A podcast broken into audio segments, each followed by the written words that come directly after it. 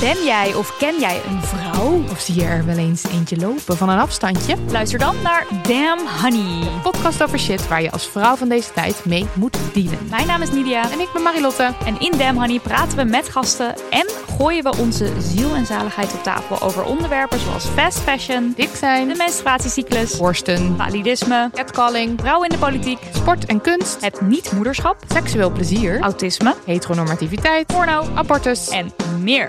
Elke zaterdag in je podcastfeed.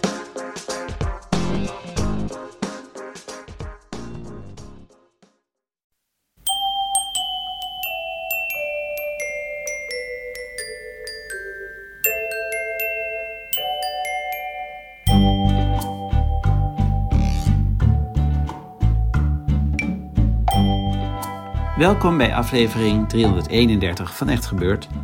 Podcast waarin mensen hun eigen waargebeurde verhalen vertellen. In deze aflevering een verhaal dat Nathalie Baartman in oktober 2010 bij ons vertelde tijdens een verhalenmiddag rond het thema toeval.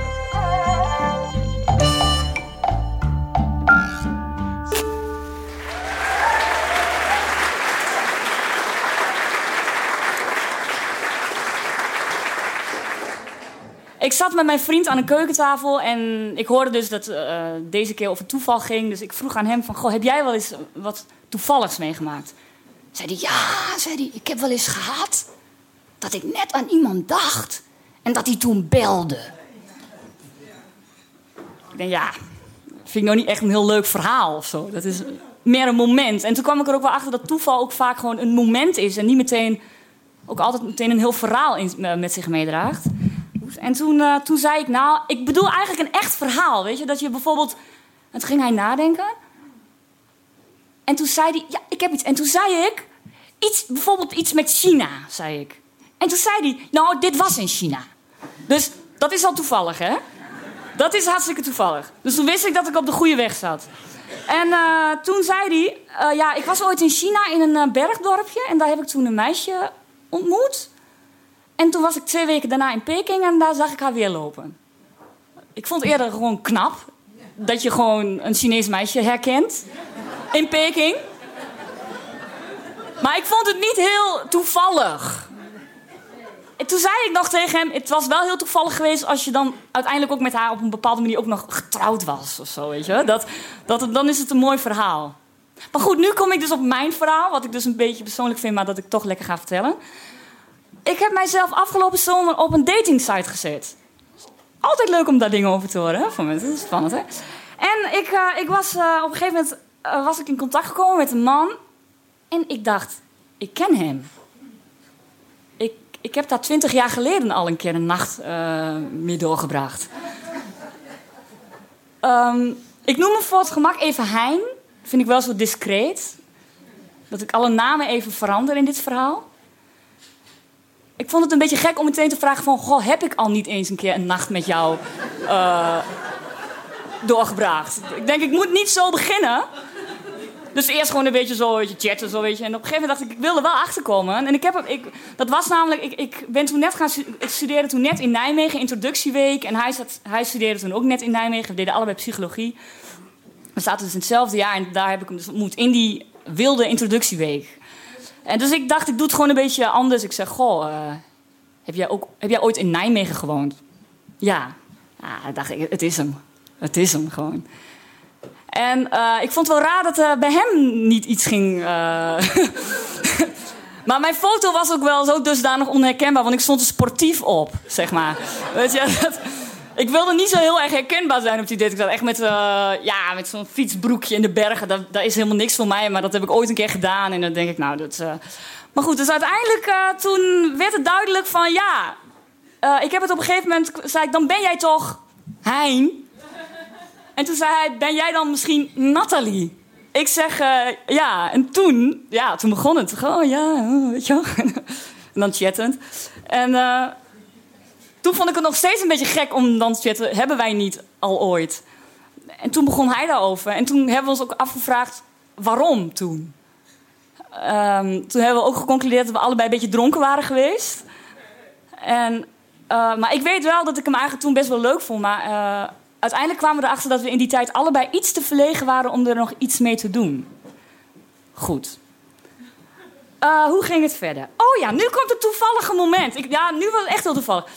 Toen um, hebben we namelijk afgesproken, een date, date gehad, geslaagd, gezoend.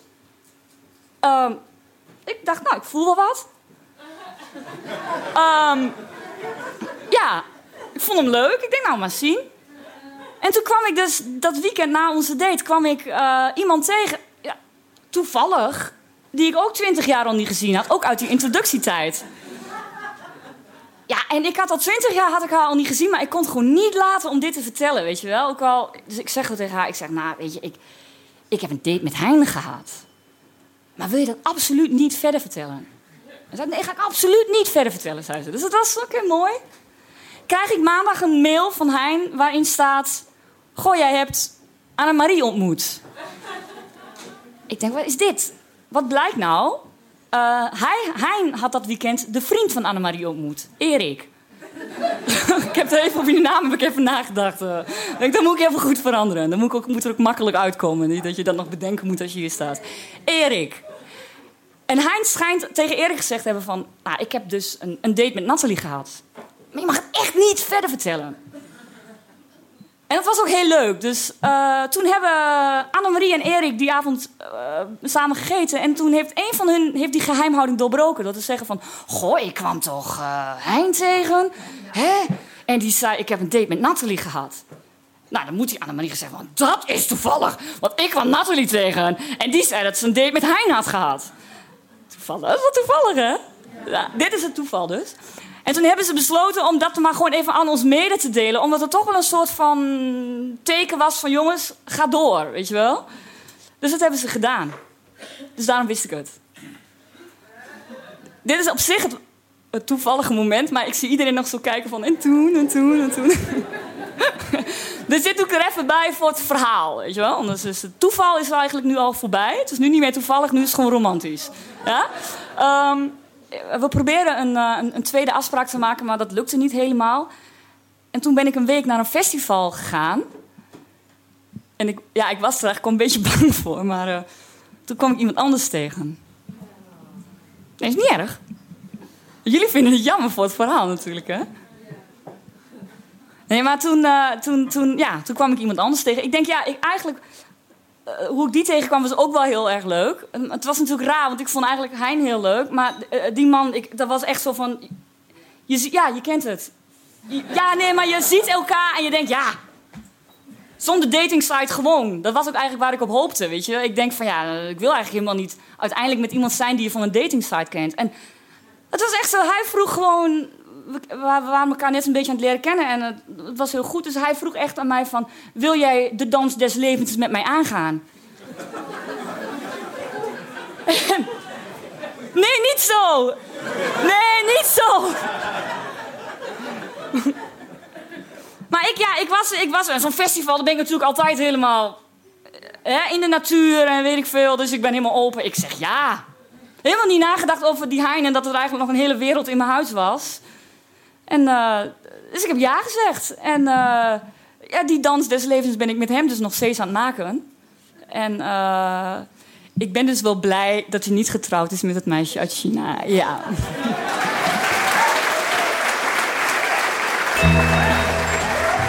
Je hoort een verhaal van Nathalie Baartman.